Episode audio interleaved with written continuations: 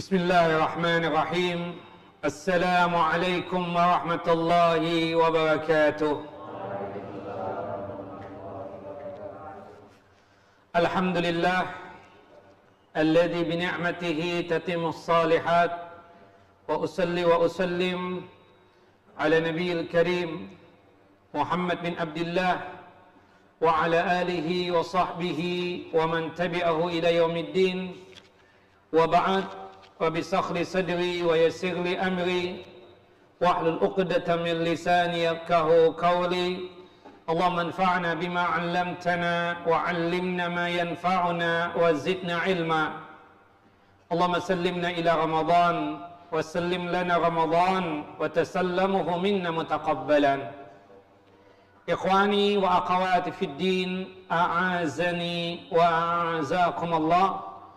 Bapak dan Ibu yang selalu dimuliakan oleh Allah Jalla wa Ala Melanjutkan kajian kita Pembacaan kitab Sifat Saumin Nabi Sallallahu Alaihi Wasallam Kitab yang disusun oleh Syekh Ali bin Hasan bin Ali Al-Halabi Rahimahullah Dan juga oleh Syekh Salim bin Id Al-Hilali Hafizahullah.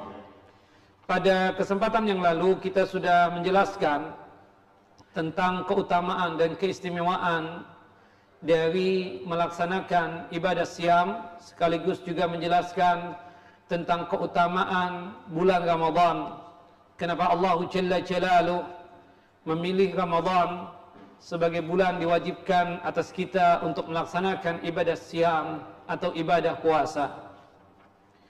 Kita masuk pada pembahasan bab yang kelima yaitu larangan berbuka puasa dengan sesuatu pada bulan Ramadan secara sengaja. Artinya orang yang tidak berpuasa secara sengaja di bulan Ramadan itu adalah dosa besar dan itu terlarang. Naam.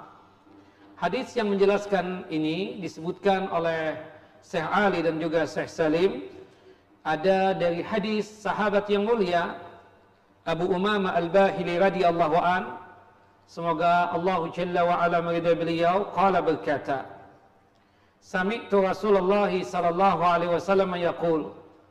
Aku telah mendengar Rasulullah sallallahu alaihi wasallam bersabda Bainama ana naim ketika aku sedang tertidur lelap Rasulullah SAW bermimpi Atani rajulani fa akhadha bi dhubu'i fa ataya bi jabalan wa'aran bahwasannya ketika aku mimpi di dalam tidurku tersebut aku didatangi oleh dua laki-laki yang di mana dua laki-laki tersebut memegang aku ya. Kemudian membawa aku ke gunung yang sangat tinggi ya. Rasulullah SAW dalam mimpi tersebut didatangi oleh dua laki-laki yang di mana kedua laki-laki tersebut menarik lengannya Nabi kita Muhammad SAW dan membawa Nabi ke gunung yang sangat tinggi.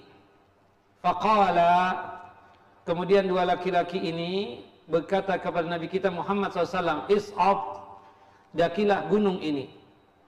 Faqultu, kemudian aku kata Nabi Muhammad menjawab, Inilah utiquh, aku tidak sanggup untuk mendaki gunung ini.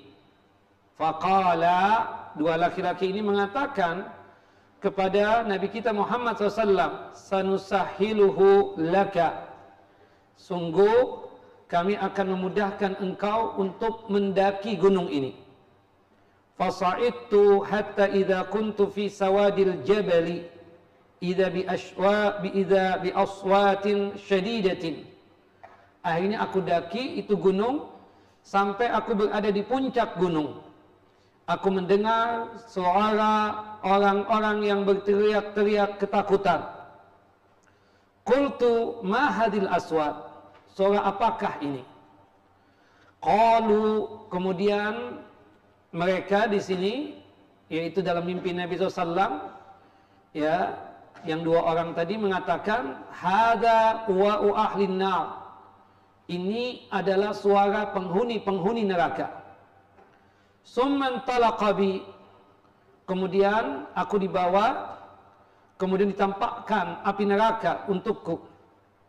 Fa'idha ana biqawmin mu'allaqina bi'araqibihim musyaqqatan asdaquhum tasilu asdaquhum kemudian aku ketika ditampakkan neraka tersebut aku melihat bahwasannya ada orang-orang yang bergelantungan kaki di atas, kepala di bawah. Kemudian aku melihat mulut-mulut mereka tersebut disobek dan ditusukkan benda-benda yang tajam hingga mengeluarkan darah yang sangat mengerikan.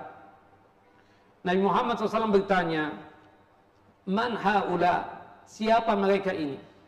Apa sebabnya mereka itu diadab dan disiksa begitu seram dan begitu sadis seperti ini? Ya, qala kemudian ada yang berkata alladzina yubtiruna qabla tahillati saumihim. Mereka itu adalah orang-orang yang tidak berpuasa padahal puasa diwajibkan atas mereka. Itu salah satu puasa wajib adalah puasa Ramadan. Wallahu a'lam. Nah, ini berkaitan tentang hadis yang sahih yang di mana hadis ini menjelaskan tentang ancaman bagi mereka yang tidak melaksanakan ibadah siang atau ibadah puasa secara sengaja. Bukan karena sakit, bukan karena safar, bukan dikarenakan lanjut usia, tapi nggak ada alasan. Secara sengaja dia tidak mau berpuasa. Ya, ancamannya adalah siksa api neraka. Nah, ini hadis sahih ya dikeluarkan oleh Al-Imam An-Nasai ya dan hadis ini juga dikeluarkan oleh Al-Imam Ibnu Hibban dan juga oleh Al-Imam Hakim. Kemudian kita masuk kepada bab yang keenam berkaitan dengan hukum-hukum puasa. Pada bab yang ketujuh, ya pada bab yang keenam tentang hukum-hukum puasa secara umum. Kita sudah menjelaskan pada kesempatan yang lalu definisi daripada ibadah siam atau ibadah itu tidak terlihat, maka sempurnakanlah hitungan Sya'ban menjadi 30 hari. Dari hadis ini, ilmu yang bisa kita dapatkan, penentuan bulan, khususnya bulan Ramadan, termasuk juga tanggal 1 Syawal, itu adalah dengan ru'yatul hilal, melihat bulan. Jika sekiranya bulan itu tidak terlihat, bulan itu ada, cuma tertutup oleh awan, sehingga pandangan kita atau mata kita nggak bisa melihat bulan. Maka kita mensempurnakan hitungan bulan Sya'ban ini 30 hari. Dan perlu diketahui bulan Hijriyah atau bulan Qamariyah ini paling lamanya 30 hari, paling sebentarnya berapa hari? 29 hari. Nah, begitupun juga berkaitan dengan masalah puasa. Kita berpuasa itu imma 29 hari jika kita tersebut melihat hilal atau jika sekiranya tidak terlihat hilal maka kita sempurnakan hitungan puasa kita menjadi 30 hari. Jadi kesimpulannya penentuan bulan Ramadan atau menentukan bulan Ramadan menentukan Idul Fitri satu Syawal yang pertama dengan ru'yatul hilal. Kalau tidak terlihat hilal tersebut maka baru mensempurnakan hitungan bulan menjadi 30 hari yang disebut dengan takmilatul syahar. Nah, yang yang mengumumkan yang punya hak untuk mengiklankan besok Ramadan, besok kita berpuasa adalah hukumah walil amr, pemerintah. Nah, kita menunggu nanti iklan atau info atau pengumuman dari walil amr, dari pemerintah kita. Ya. Jadi jika sekiranya nanti sudah ada pengumuman dari waliul amal, dari pemimpin kita, dari hukum atau dari pemerintah, ya bahwasannya besok berpuasa, maka kita wajib untuk berpuasa. Begitupun juga nanti beridul fitri, juga seperti itu. Nanti penentuannya bahwasannya yang punya hak untuk mengumumkan, yang menginfokan kepada kita adalah wal amr atau pemerintah atau pemimpin kita. Seperti itu. Naam dan itu disebutkan di dalam hadis yang sahih. Ya qala Rasulullah sallallahu alaihi wasallam Rasulullah sallallahu alaihi wasallam bersabda as-saumu yaumu yasumun nas wal fitru yaumu yuftirun wal adha yaumu yudahun yang namanya berpuasa yang kebanyakan orang berpuasa. Yang beridul fitri juga begitu beridul adha juga begitu. Jadi alangkah baiknya nanti ya kita tersebut nanti menunggu info besok puasa atau tidak puasa atau berkaitan sudah masuk Ramadan itu kita menunggu dari pemimpin kita atau dari wal amr atau dari pemerintah kita. Nah, seperti itu. Termasuk juga nanti berkaitan dengan Idul Fitri. Wallahu a'lam. Kemudian di sini Syekh membawakan satu hadis dari hadis Abu Hurairah radhiyallahu an. Qala Rasulullah sallallahu alaihi wasallam. Rasulullah sallallahu alaihi wasallam bersabda, "La taqaddamu Ramadan bi sawmi yawmin wa la yawmayn illa rajulun kana yasumu falyasumhu." Janganlah kalian mendahului Ramadan dengan berpuasa satu hari atau dua hari sebelumnya. Kecuali orang yang terbiasa melakukan puasa sunnah, maka dipersilakan dia untuk mengerjakan puasa sunnah tersebut satu atau dua hari sebelum Ramadan. Hadis ini sahih dikeluarkan oleh Al-Imam Al-Bukhari dan Muslim. Artinya, ikhwan wa akhawati fid din a'azani wa a'azakumullah bagi kita yang baru memulai puasa sunnah kita di bulan Sya'ban ini pastikan dua hari sebelum Ramadan kita tidak berpuasa sunnah lagi ya dan di sini tidak boleh di antara kita ada sebagian orang dengan bahasanya ihtiyat atau hati-hati ya kita hati-hati aja deh kalau misalnya besok ya kita puasa ini tujuannya untuk hati-hati atau ihtiyat kalau memang besok Ramadan, maka kita sudah berpuasa. Kalau sekiranya besok belum Ramadan, ya kita dianggap puasa sunnah. Gak boleh begini. Kita menjalankan puasa Ramadan ini harus dengan kepastian. Makanya oleh sebab itu, kita betul-betul menunggu nanti info dan kabar dari pemerintah kita, dari walil amal.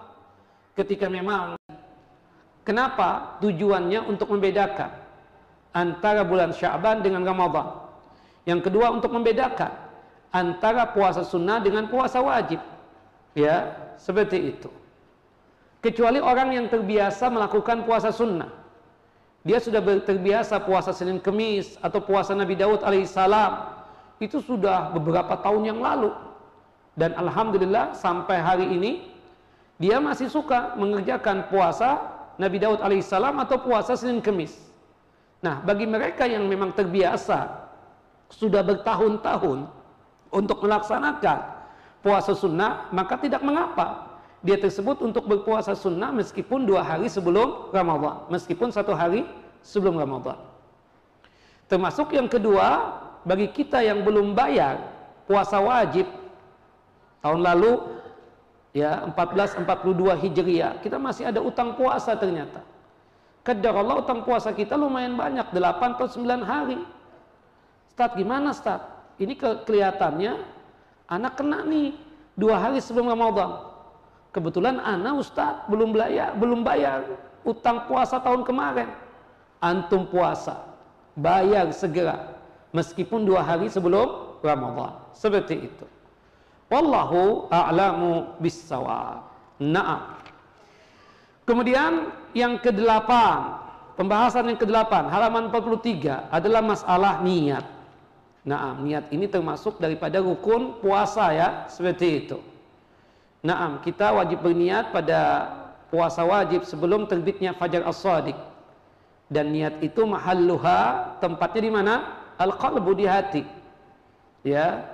Niat itu tempatnya di hati. Dengan kita bersahur itu ya tidak lain adalah sebagai pelaksanaan niat kita tadi bahwasanya besok insya Allah biiznillah kita akan apa berpuasa kata Nabi kita Muhammad SAW dalam hadis yang sahih man lam yujmi isyama qabla al-fajri fala siyama lahu barang siapa yang tidak berniat puasa sebelum terbit fajar sebelum subuh maka tidak ada puasa baginya subhanallah ada orang dia tersebut dari malam gak berniat sama sekali untuk puasa besok. Ya, subhanallah mungkin dia punya niatan besok mau safar. Sehingga membuat dia tidak ada niatan besok untuk puasa. Qadar Allah takdirnya dia batal untuk safar. Dia baru punya niat untuk menjalankan puasa wajib Ramadan ini setelah sholat subuh. Ah, anak gak jadi safar nih Ustaz. Anak kebetulan juga belum makan apa-apa nih. Anak pingin puasa aja deh. Boleh nggak begitu? Nggak boleh. Harus di malam harinya atau sebelum datangnya waktu sholat subuh sudah punya niatan kuat dalam hatinya besok ingin melaksanakan puasa wajib Ramadan. Dalam riwayat yang lain disebutkan Man lam yubayyitis siyama minal lail fala siyama lahu. Barang siapa yang tidak berniat puasa sejak malam hari, maka tidak ada puasa baginya. Jadi ketika selesai sholat tarawih itu, kita sudah menimbulkan niat di situ. Menunjukkan malam hari sudah niatan besok puasa deh ya. Cuma sekali lagi, niat itu tempatnya di mana? Di hati. Subhanallah, Anda juga tahu antum bersahur itu pasti besoknya untuk apa? Puasa. Di situ kan menunjukkan bahwasanya dia punya niatan di hati. Bukan dengan kita ucapkan dengan lisan kita. Makanya kata Al-Imam An-Nawawi rahimahullah rahmatan wasi'ah. Al-Imam Nawawi ini dari kalangan mazhab Asy-Syafi'i. Ya, la yushtaratu at-talaffuz ya bin niat tidak ada syarat bahwasanya harus melafatkan niat dengan lisan tersebut. Ya tidak boleh yang demikian. Bahwasanya semua ibadah baik itu ibadah salat ibadah puasa zakat sedekah iktikaf dan lain sebagainya itu niatan tempatnya di mana? Di kalbu di hati. Bukan diucapkan dengan lisan. Naam maka oleh sebab itu sepakat para ulama bahwasannya an-niyah mahalluha fil qalb. Ya. Adapun melafatkannya dengan lisannya ini sangat bertentangan dengan ajaran Nabi kita Muhammad sallallahu alaihi wasallam. Naam. Maka oleh sebab itu niatkanlah keinginan kita untuk puasa besok hari itu di dalam hati bukan dengan lisan kita bukan dengan lisan kita. Tapi ikhwan wa akhawati fid din a'azani wa azakumullah. Kemudian yang kedua ini yang berkaitan tentang pembahasan yang ke-8 ini berkaitan dengan taklif. Kemampuan adalah dasar taklif, pembebanan untuk menjalankan syariat. Mukallaf, mukallaf itu itu definisinya adalah orang yang balik dan berakal. Itu mukallaf. Tentunya muslim. Muslim yang balik dan berakal. Yang dia tersebut wajib untuk menjalankan syariah Allahu Jalla Jalalu. Nah kita yang mukallaf, yang muslim, yang balik, yang berakal ketika mendapatkan Ramadan wajib untuk berpuasa. Sebagaimana yang Allah Jalla wa ala sebutkan di dalam Al-Quran dalam surah Al-Baqarah surah yang kedua ayat 185. Ya Allah menyatakan syahr Ramadan alladhi unzila fihi al-Qur'an hudan lin-nasi wa bayyinatin minal huda wal furqan faman syahida minkum asy-syahra falyasum di bulan Ramadan lah Allah Jalla Jalaluhu menurunkan Al-Quran sebagai petunjuk buat manusia dan sebagai penjelas dari petunjuk-petunjuk tersebut dan sebagai pembeda antara yang hak dengan yang batil. Bang siapa yang mendapatkan puasa Ramadan, bang siapa yang mendapatkan Ramadan, maka wajibnya dia tersebut untuk berpuasa. Naam. Ikhwan wa akhwati fid din a'azani wa azakumullah. Ya. Berkaitan tentang definisi puasa yang dijelaskan oleh Syekh di sini kita katakan sudah kita sampaikan pada awal kajian kita membahas kitab ini. Nah, kemudian bab yang kesembilan Syekh membahas tentang waktu puasa. Waktu puasa kapan? Kita berpuasa mulai kapan? Dari subuh sampai tenggelam matahari sebagaimana yang Allah Jalla wa ala firmankan dalam surah Al-Baqarah surah yang kedua ayat 187 wa kulu washrabu hatta yatabayyana lakumul khaytul abyadu minal khaytil aswadi minal fajr summa atimmus siyama ilal lail. Terus kalian makan terus kalian minum sampai yang namanya benang putih menutupi benang hitam. Benang putih itu simbol datangnya pagi hari simbol pagi hari. Pertama kali kita mendapatkan pagi hari ketika masuknya waktu salat subuh. Nah, kita berpuasa dimulai dari masuknya waktu salat subuh. Sedangkan benang hitam itu adalah simbol malam hari. Artinya pagi hari datang, malam hari hilang. Pagi hari itu dimulai dari waktu salat subuh. Datangnya waktu salat subuh, di situlah kita mulai puasa. Kemudian berpuasanya kita tersebut sampai datangnya malam hari. Malam hari tersebut pertama kali datang ketika tenggelamnya matahari. Jadi kita berpuasa dari subuh sampai tenggelamnya matahari. Naam di sini Syekh menjelaskan tentang benang putih, benang hitam. Benang putih tadi maksudnya apa? Pagi hari, yaitu waktu salat subuh. Benang hitam malam hari ya, bukan benang maksudnya benang itu ya. Ada yang salah paham. Nah, Taib. Kemudian selanjutnya ikhwan wa akhawati fid din a'azani wa azakumullah. Kita tahu kan di waktu berkaitan dengan fajar atau pagi hari berkaitan dengan bintang ya itu ada dua ada fajar kadzib ada fajar sadiq fajar as-sadiq fajar al-kadzib fajar al-kadzib itu bintang yang mengeluarkan cahaya warna putih yang di mana warna putih tersebut naik ke atas menunjukkan bahwasannya waktu salat subuh belum tiba. Di situlah mulai adzan yang pertama berkaitan dengan adzan subuh. Karena sunnahnya ikhwan wa akhawati fid din a'azani wa Allah untuk subuh itu adzannya dua kali. Tapi adzan yang pertama bukan berarti menandakan waktu subuh telah tiba. Adzan yang pertama dilakukan di waktu subuh tersebut tujuannya untuk apa? Membangunkan orang yang ingin bersahur. Jadi jelas dalam syariat Islam ini adzan itu selain digunakan untuk menginfokan bahwasannya waktu sholat telah tiba. Yang kedua, adzan itu ya Kenapa di subuh itu ada adzan dua kali? Ternyata adzan yang pertama itu berfungsi tujuannya untuk ya membangunkan orang tidak lain tujuannya selain untuk bersahur atau bagi orang yang ingin tahajud dan qiyamul lail. Ini membantah perbuatan sebagian orang yang nggak ngerti dalam masalah membangunkan orang yang ingin bersahur.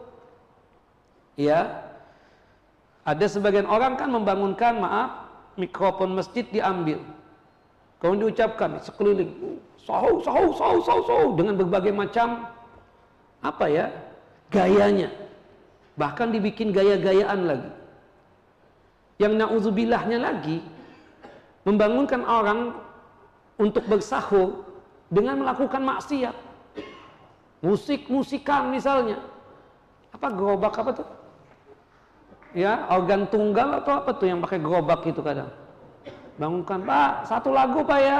Bangun dong, sahur. Ya, subhanallah. Nauzubillah min zalik. Iya kan? Ada nggak begitu? Ada. Ada lagi dengan apa? Kentongan. Allahu Akbar kadang. Dalam syariat sangat jelas membangunkan orang untuk bersahur dengan azan. Makanya di waktu subuh itu azannya dua kali. Dan Rasulullah sudah memberikan isyarat kalau masih fajar al-kadhib Fajar Al-Kadhib itu bintang yang mengeluarkan cahaya warna putih yang di mana ya menjulur ke atas tu cahaya seperti ekor serigala kata Nabi SAW. Sedangkan waktu subuh yang sesungguhnya yaitu fajar apa? As-Sadiq yaitu bintang yang mengeluarkan cahaya warna kemerah-merahan sebagai tanda bahwasanya waktu salat subuh telah tiba. Nah, maka di sini dikatakan oleh Nabi dalam hadis Samara radhiyallahu an anna Rasul sallallahu qala bahwasanya Rasul sallallahu bersabda la yaghurrannakum adhanu bilalin wala hadzal bayadu li amudi subhi hatta yastatira janganlah kalian terkecoh dengan suara azan Bilal karena Bilal ini ditugaskan oleh Nabi di waktu salat subuh di azan yang pertama Sedangkan azan yang kedua yang diperintahkan oleh Nabi untuk menjadi muadzin siapa? Abdullah ibnu Umi Maktum. Makanya kata Nabi, terus kalian makan, terus kalian minum. ketika mendengar azannya Bilal bin Rabah. Tapi ketika mendengar adanya Abdullah bin Umi Maktum, maka kalian tersebut harus berhenti untuk makan dan minum karena waktu salat subuh yang sesungguhnya telah hadir. Jelas ya?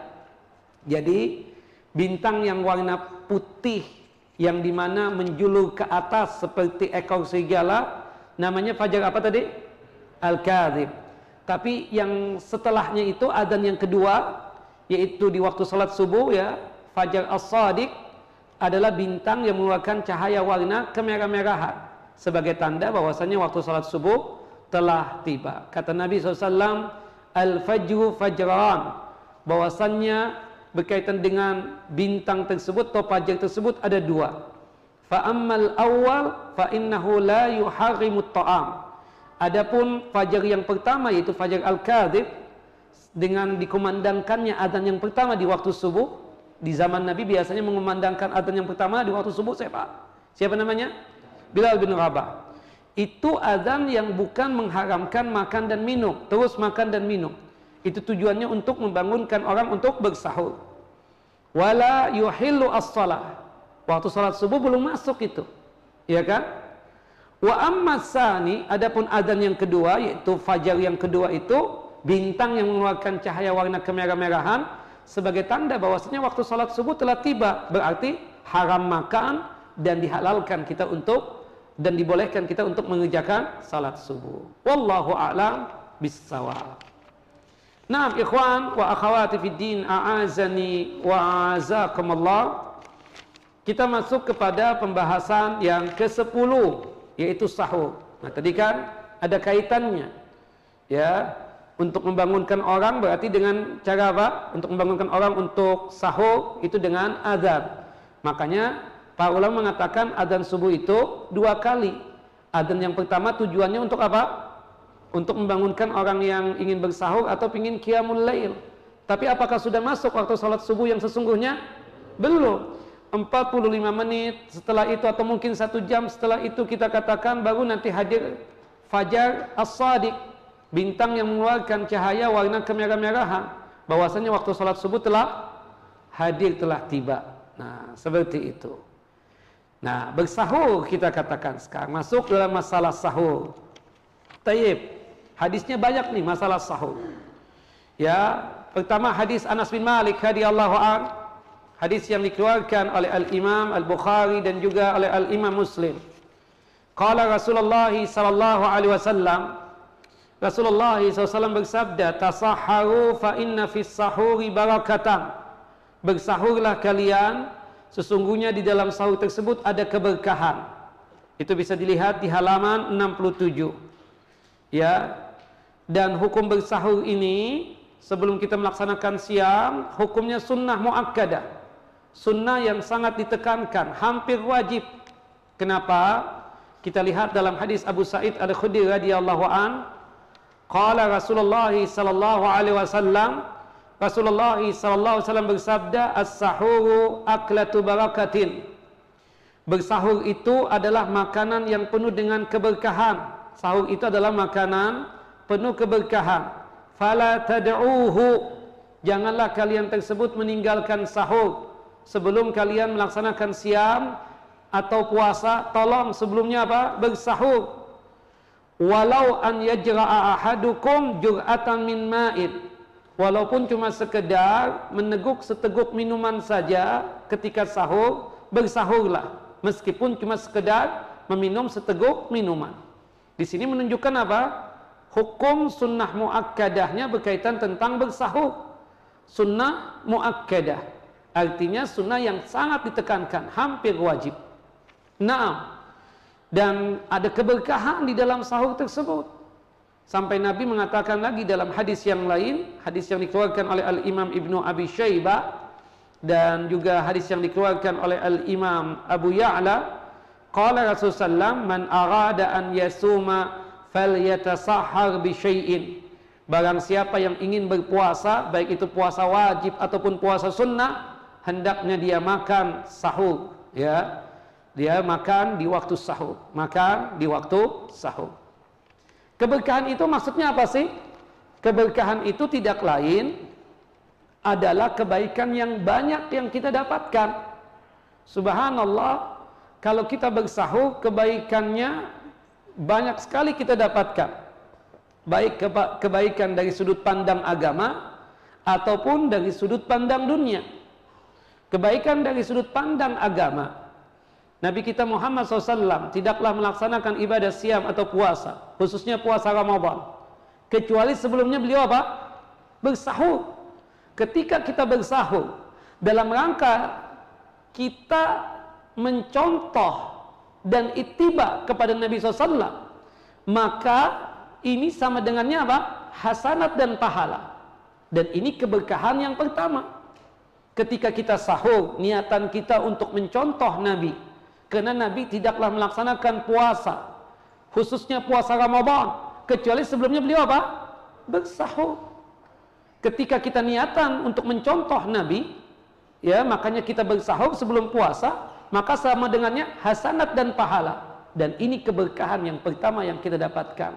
Belum kita puasa sudah mendapatkan pahala dengan kita bersahur. Karena mencontoh Nabi Muhammad SAW. Keberkahan yang kedua yang kita dapatkan sebagaimana yang disebutkan di dalam hadis yang sahih hadis dari sahabat yang mulia Amr bin As radhiyallahu anhuma qala Rasulullah sallallahu alaihi wasallam Rasulullah sallallahu alaihi wasallam bersabda faslu ma baina siyamina wa siyami ahli kitab aklatus sahari aklatu as-sahar perbedaan puasa kami kaum muslimin dengan puasanya ahlul kitab adalah makan di waktu sahur. Kita tahu ahlul kitab, Yahudi dan Nasrani juga berpuasa. Tapi perbedaan puasa kita dengan mereka adalah makan di waktu sahur. Ketika kita bersahur, niatan kita untuk menyelisihi puasanya ahlul kitab, untuk menyelisihi puasanya Yahudi dan Nasrani, ini tidak lain poin pahala dan hasanat yang kita dapatkan. Dan ini keberkahan yang kedua. Jadi kalau kita nggak bersahur ya sebelum kita melaksanakan puasa, berarti apa bedanya puasa kita dengan puasanya ahlul kitab? Kita harus tampil beda dengan Yahudi dan Nasrani dalam masalah apa pun, termasuk masalah berpuasa. Nah, perbedaan puasa kita dengan puasanya Yahudi dan Nasrani adalah makan di waktu sahur. Keberkahan yang kita dapatkan dari sudut pandang agama tidak lain bahwasannya Allah dan para malaikatnya bersalawat kepada orang-orang yang bersahur. Disebutkan di dalam hadis yang sahih, hadis dari Abu Sa'id Al-Khudri radhiyallahu an. Qala Rasulullah sallallahu alaihi wasallam.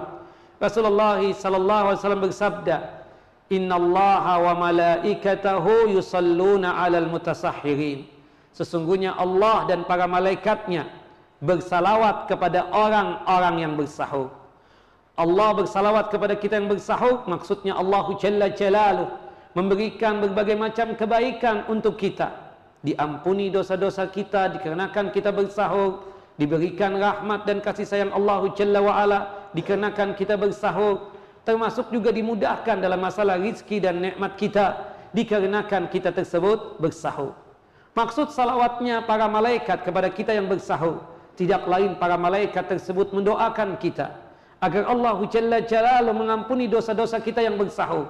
Memberikan rahmat ya atas kita. Malaikat mendoakan kita agar Allah Jalla wa ala menganugerahkan rahmatnya dan kasih sayangnya kepada kita yang bersahur termasuk para malaikat itu mendoakan kita dikarenakan kita bersahur mereka berdoa kepada Allah Jalla wa ala agar kita ini terbebas dari siksa api neraka kemudian keberkahan yang keempat yang kita dapatkan dari bersahur tidak lain doanya orang yang bersahur itu mustajab. Subhanallah. Kita lihat nih Bapak, Ibu. Ramadan itu itu waktu mustajab. Waktu terijabahnya doa kita. Berdasarkan firman Allah Jalla wa ala dalam surah Al-Baqarah surah yang kedua ayat 186. Subhanallah disebutkan pada ayat 186 tersebut Allah Jalla wa ala menyatakan wa idza sa'alaka ibadi anni fa inni qarib ujibu da'wata da'i idza da'an wahai Muhammad apabila hamba-hambaku bertanya tentang aku Jawablah aku ini dekat. Dan apabila hamba-hambaku memohon, meminta kepadaku, maka pasti aku akan ijabah dan aku kabulkan doa hamba-hambaku tersebut. Ayat ini ikhwan wa akhawati fid din a'azani wa azakumullah. Allahu Jalla wa ala letakkan di antara ayat-ayat tentang puasa. Masih ingat enggak? Ayat puasa ada berapa? Ayat tentang puasa Ramadan? Termaktub dalam surah Al-Baqarah. Pada pertemuan kita yang lalu kita sudah bahas ada lima ayat doang. Ada lima ayat dari ayat 183 sampai ayat 187 di dalam surah Al-Baqarah. Surah Al-Baqarah surah yang kedua. Pada ayat 183 sampai ayat 187 Allah Jalla wa ala menjelaskan tentang puasa Ramadan termasuk hukum-hukumnya. Nah, pada ayat 186 Allah Jalla wa ala menjelaskan tentang doa. Kenapa ikhwan?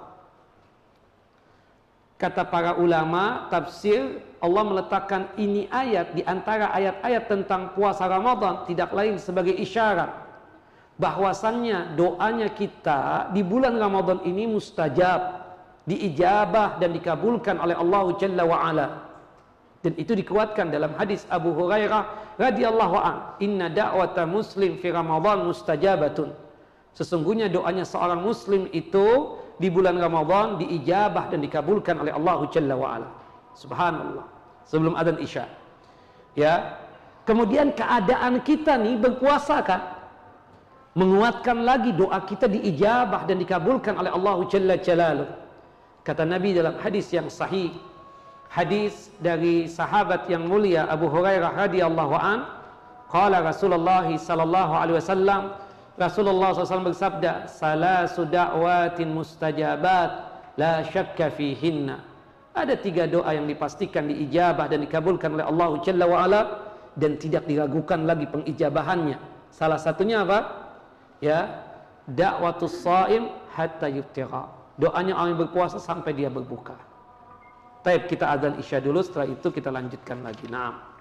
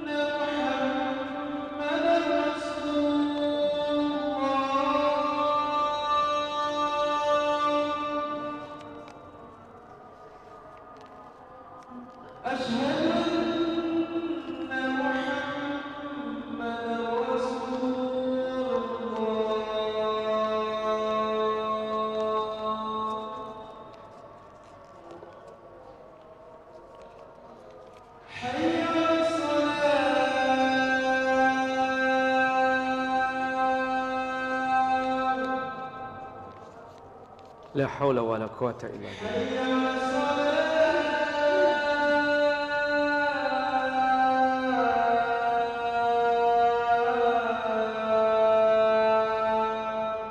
لا حول ولا قوة.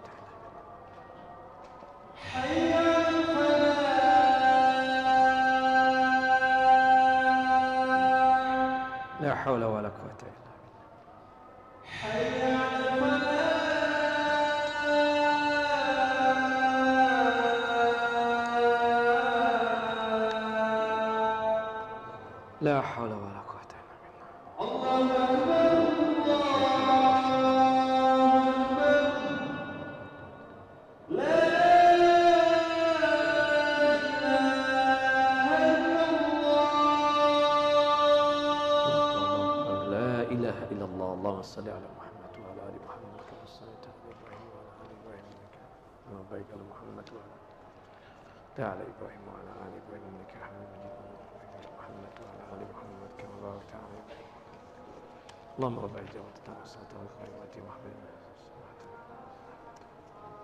Baik ikhwan, kita lanjutkan tadi. Waktu Ramadan. Ramadan waktu terijabah doa. Kemudian yang kedua, keadaan kita berpuasa mustajab juga. Masya Allah, ini kebaikan yang sangat luar biasa bulan Ramadan ini. Berkah betul kita. Termasuk sebelum kita berbuka puasa, bukan begitu? Diperintahkan juga untuk ya ber, apa berdoa lagi. Sebelum kita berbuka puasa, khususkan berdoa 15 menit, 20 menit. Doa. Di situ mustajab. Dalam riwayat yang lain disebutkan dalam hadis Abu Hurairah juga hadis yang dikeluarkan oleh Al Imam uh, At-Tirmidzi, Ibnu Majah, Ibnu Hibban ya. Rasulullah SAW bersabda salasun la turaddu da'watuhum ada tiga doa yang di mana doa mereka tersebut dipastikan tidak ditolak. Salah satunya as-saim hina doa orang berpuasa ketika dia mau berbuka puasa. Dan itu dikuatkan dalam hadis Abdullah bin Amr bin As. Inna lis-saimi inda fitrihi da'watan ma turaddu. Sesungguhnya untuk orang berpuasa sebelum dia berbuka puasa ada doa yang tidak bakalan ditolak. Subhanallah. Termasuk juga ketika kita sahur. Dan ini keberkahan yang keempat kita dapatkan. Dalilnya Ustaz bukankah Bapak Ibu di sepertiga malam yang terakhir Allahu Jalla Jalalu turun ke langit dunia? Sepertiga malam terakhir itu anggaplah kita katakan jam 2 sampai menjelang subuh. Dan sebelum subuh itu kan kita bersahur. Kalau kita habis makan juga belum subuh nih. Kita berdoa di situ bagus nggak? Bagus. Mustajab nggak mustajab. Karena itu bagian termasuk apa? Sepertiga malam yang terakhir. Subhanallah. Seperti malam terakhir Allah Jalla Jalalu turun ke langit dunia. Kemudian mengatakan kepada kita man istaghfarani fa'ughfiralah siapa pun yang meminta ampun kepadaku maka aku akan ampuni kata Allah Jalla wa'ala. Siapa pun yang meminta ampun kepadaku maka pasti akan aku ampuni kata Allah Jalla Jalalu.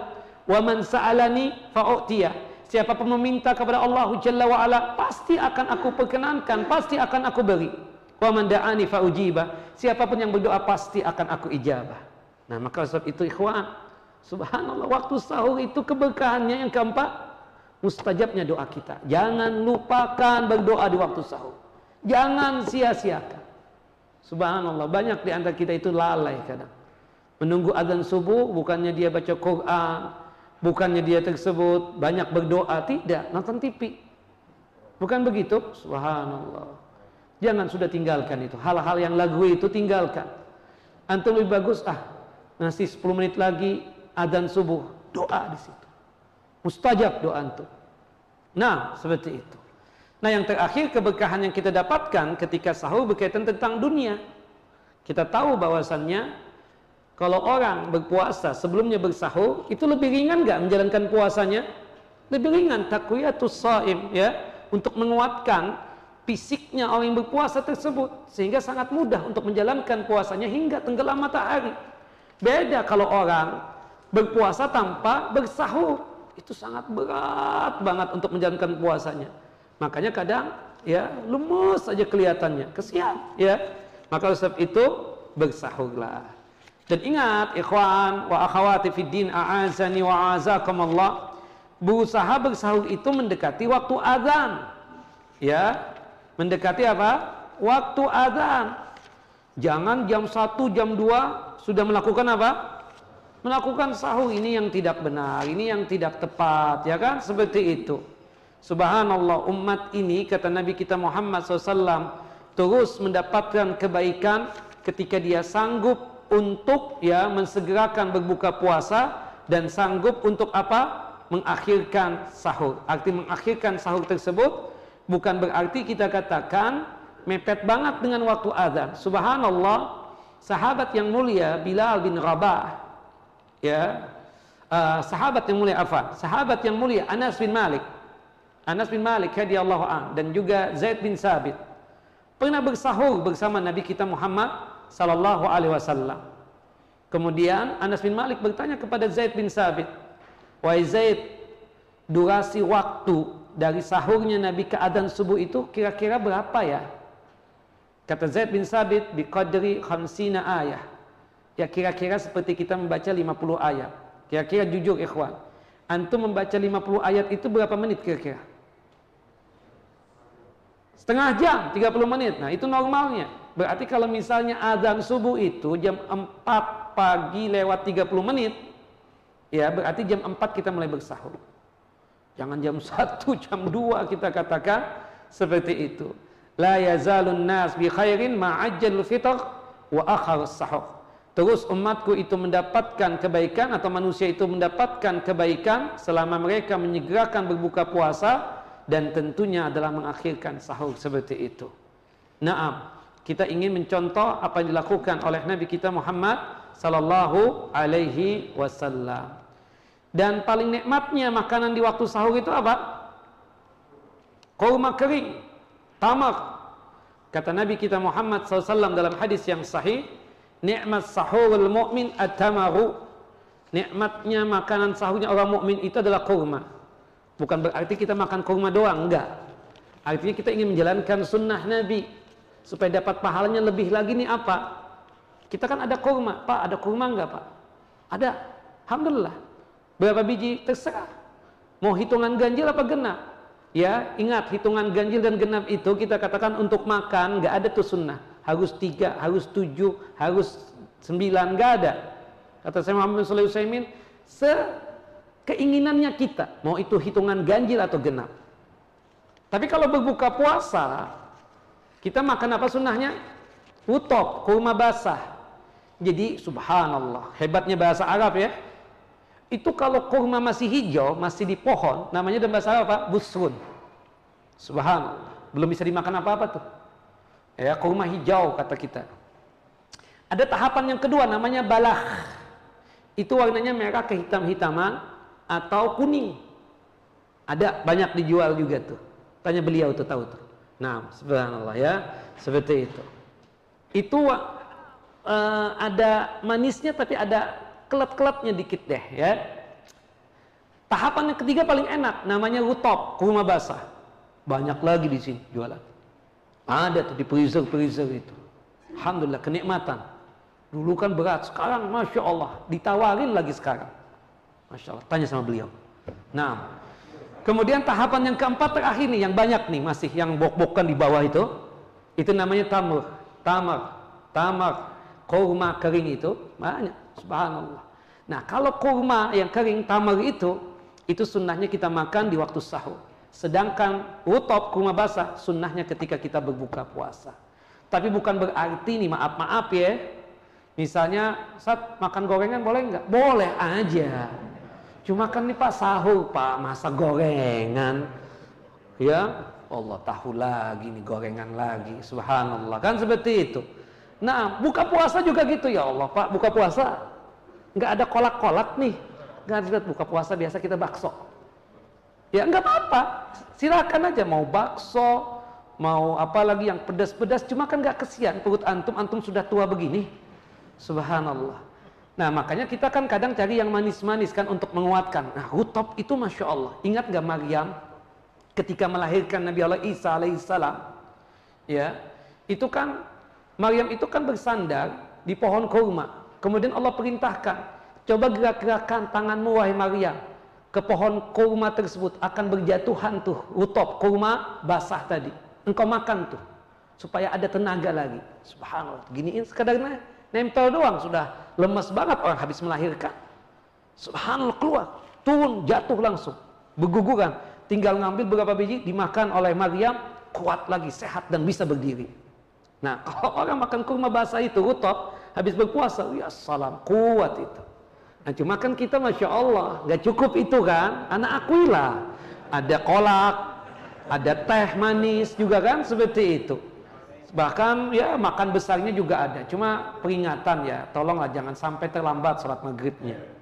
Sekedarnya aja lah Makanan ringan dulu kita nih Pas waktu berbuka puasa Ada kue misalnya Ada kurma Entah kurma basah terutama diutamakan atau utop itu atau tamar kurma kering ya sama kuenya misalnya pastel atau mungkin apa kolak misalnya setelah itu baru nanti kita sholat maghrib. Setelah sholat maghrib baru makan besar deh. Ya kan? Jangan makan besar nanggung Ustaz. Subhanallah macam-macam nih. Ada apa nih? Ada kapsah ada kebuli ada nasi ini. Ya Allah kita kadang bingung. Antum ini tadi beli ini semua nih. Iya panah mata anak panas start anak subhanallah habis itu mubazir juga kan? Nah jangan begitu. Itu peringatan itu buat kita kita semua tuh kadang ya. Kadang akhirnya ujung-ujungnya nggak dimakan juga ya maka oleh sebab itu sederhana makan itu secukupnya sampai kenyang. Adapun hadis yang menjelaskan berhentilah makan sebelum kenyang itu hadis dhaif ya. Makanlah ketika anda lapar kan? Seperti itu itu hadisnya apa? Dhaif. Jadi kalau misalnya kita udah makan tadi belum lapar banget cuma disuguhkan tahu goreng tadi sebagai penghormatan kita makan nggak pak? Makan, ya kan? Seperti itu. Meskipun satu atau dua, yang penting kita menghormati orang yang menyuguhkan makanan tadi tersebut. Seperti itu sunnahnya. Wallahu alam. Nah ini inti dari bab kita yang kesembilan ya baru ya berkaitan tentang masalah sahur. Insya Allah nanti pertemuan yang terakhir kita habiskan. Ada rebu kelima kan? Insya Allah kita selesai. Oh bab ke sepuluh sudah ini, masya Allah. Tadi kita juga sempat menyinggung tentang berbuka puasa tapi nanti kita mantapkan di pertemuan kita yang akan datang. Semoga Allah Jalla Jalalu memanjangkan umur kita hingga kita berjumpa dengan bulan yang penuh dengan keberkahan. Cukup ya? Gak ada pertanyaan kan? Ada? Silakan Pak.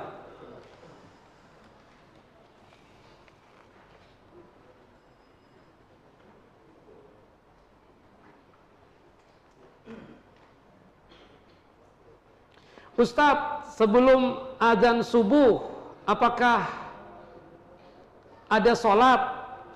Qobliyah subuh itu kapan sih berlaku? Qobliyah subuh itu berlaku ketika sudah masuk azan subuh.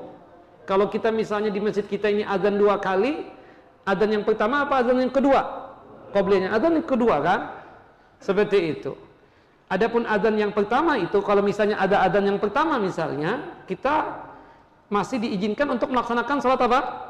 Tahajud dan qiyamul lail serta witir tadi itu. Nah, jadi kesimpulannya ikhwan wa akhawati fid din a'azani wa a'azakum Allah bahwasannya berkaitan tentang masalah qobliyah subuh itu berlakunya ketika sudah masuk adzan subuh ya ketika adzan subuh adapun sebelum adzan subuh kita masih diizinkan dan dibolehkan untuk mengerjakan salat tahajud dan witir seperti itu.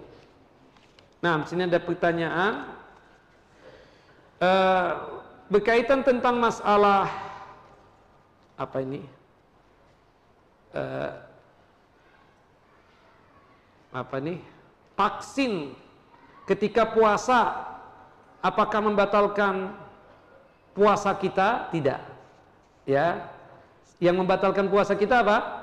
suntikan-suntikan untuk mengenyangkan perut kita. Kalau vaksin kan enggak, cuma penangkal penyakit kan, seperti COVID misalnya kan, seperti itu. Allah a'lam bissawab.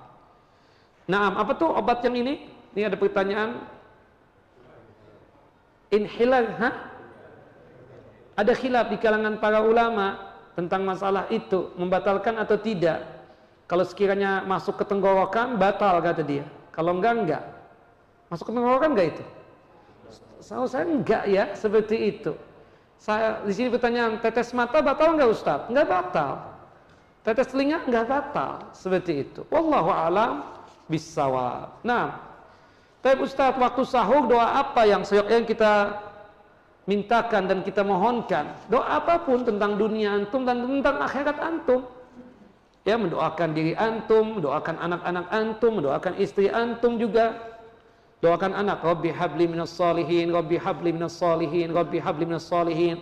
Mendoakan pasangan kita, ya Rabbana hablana uh, Rabbana hablana min azwajina wa dzurriyyatina qurrata a'yun waj'alna lil muttaqina imama. Surah Al-Furqan, surah yang ke-25 ayat 74 itu baca itu. Supaya di rumah tangga enggak ada keributan tuh, baca tuh doa. Subhanallah. Anak kan tahu misalnya antum sudah pada tua, otomatis istri antum juga seperti itu. Tapi antum tetap nikmat melihat istri antum. Kenapa? Tetap sebagai penyejuk hati. Karena antum selalu menggantungkan keluarga antum ini kepada siapa? Kepada Allah Jalla wa ala. Ya Rabbana hablana min azwajina wa dzurriyyatina qurrata a'yun. Ya banyaknya terjadi perceraian, terjadi rumah tangga nggak akur, kemudian istri nggak menghormati suami, suami juga begitu, ya. Kemudian anak-anak nggak hormat, karena di dalam rumah tangga itu nggak ada doa sama sekali, nggak ada doa sama sekali kita katakan. Kita ini lemah, ikhwan. Kita ini doib, doib, doib, ya. Antum jangan membanggakan harta yang antum miliki. Banyak orang yang menikah, sama-sama kaya, sama-sama raksasa. Eh kita lihat beberapa bulan kita mendapatkan info bercerai Ustaz. Hah? Benar antum iya. Padahal kan sama-sama raksasa. Ya begitulah. Harta ada harta bukan ada jaminan ya ikhwan. Maka oleh sebab itu kita sebagai suami jalankan hak istri, kita sebagai istri jalankan hak suami. Seperti itu. Sekaligus kita gantungkan nih nasib keluarga kita ini kepada siapa? Kepada Allah Jalla wa'ala. Kita sudah mengakui kelemahan kita, kita doib. Makanya tuh baca tuh doa. Rabbana hablana min azwajina wa zurriyatina qurrata a'yun waj'alna lil muttaqina imama. Termasuk buat antum yang matanya jelalatan. Gak bisa lihat perempuan cantik. Jadikanlah istri antum itu sebagai betul-betul penyejuk hati antum, bukan perempuan yang lain. Seperti itu. Istri antum tetap cantik sampai sekarang ini meskipun sudah tua misalnya. Kenapa? Antum matanya antum gak jelalatan. Ketika melihat perempuan tundukkan pandangan, tundukkan pandangan. Kan seperti itu. Iya kan? Tetap cantik tuh istri antum. Ketika antum matanya jelalatan, maaf-maaf nih, itu menunjukkan bahwasannya istri antum nanti ya dianggap sebagai perempuan yang jauh dari apa yang antum harapkan. Kenapa? Karena antum sudah membandingkan. Yang di rumah gembrot, ini langsing. Yang di sini sudah keriput. Yang ini masih kenceng nih uratnya. Nah, itulah antum. Mata antum jelalatan. Makanya kau ngeliatin orang dari atas ke bawah. Ngapain begitu? Astagfirullahaladzim. Makanya antum kadang mikirannya macam-macam tuh. Ya kan? Maka sebab itu tundukkan pandangan, tundukkan pandangan. Maka insya Allah istri antum tetap cantik jelita meskipun sudah menjadi nenek sekarang ini kan seperti itu. Nah baca itu doa Rabbana hablana min azwajina wa zuriyatina qurrata a'yun wa ja'alna lil muttaqina imama. Termasuk anak-anak kita. Doakan. Pak, kita ini nggak punya kekuatan, kita lemah. Yang menolong kita Allah, yang membantu kita Allah. Tuh anak bisa jadi ustadz, jadi dokter, hafal Quran, kita memang mengarahkan, kita memang memberikan nasihat, kita memang mengajarkan, tapi penentuannya tetap siapa? Allah Jalla wa'ala. Seperti itu. Maka kembalikan kepada Allah Jalla Jalaluh. Gantungkan nasib kepada Allah Jalla wa'ala. Nah itu yang kita minta. Di waktu sahur, waktu kita berpuasa, sebelum berbuka puasa, termasuk di Ramadan secara umum kita doakan diri kita, kita doakan istri kita, pasangan kita, anak-anak kita, orang tua kita agar kita bisa apa? Kumpul di dunia dan kumpul juga di akhirat kelak seperti itu. Semoga Allah Jalla Jalaluh selalu memberikan petunjuk dan hidayah kepada kita sehingga kita mudah untuk melakukan kebaikan dan amal saleh Semoga Allah Jalla Jalaluh memanjangkan umur kita dalam ketaatan kepadanya hingga kita bisa berjumpa dengan bulan yang penuh dengan keberkahan yaitu bulan Ramadan. Wassallallahu Nabi Muhammad wa ala ali Muhammad kama sallaita ala Ibrahim wa ala ali Ibrahim innaka Hamidun Majid. Allahumma barik ala Muhammad wa ala ali Muhammad kama barakta ala Ibrahim wa ala ali Ibrahim innaka Hamidun Majid. Subhanakallahumma wa bihamdika asyhadu an la ilaha illa anta astaghfiruka wa atubu ilaik. Assalamualaikum warahmatullahi wabarakatuh.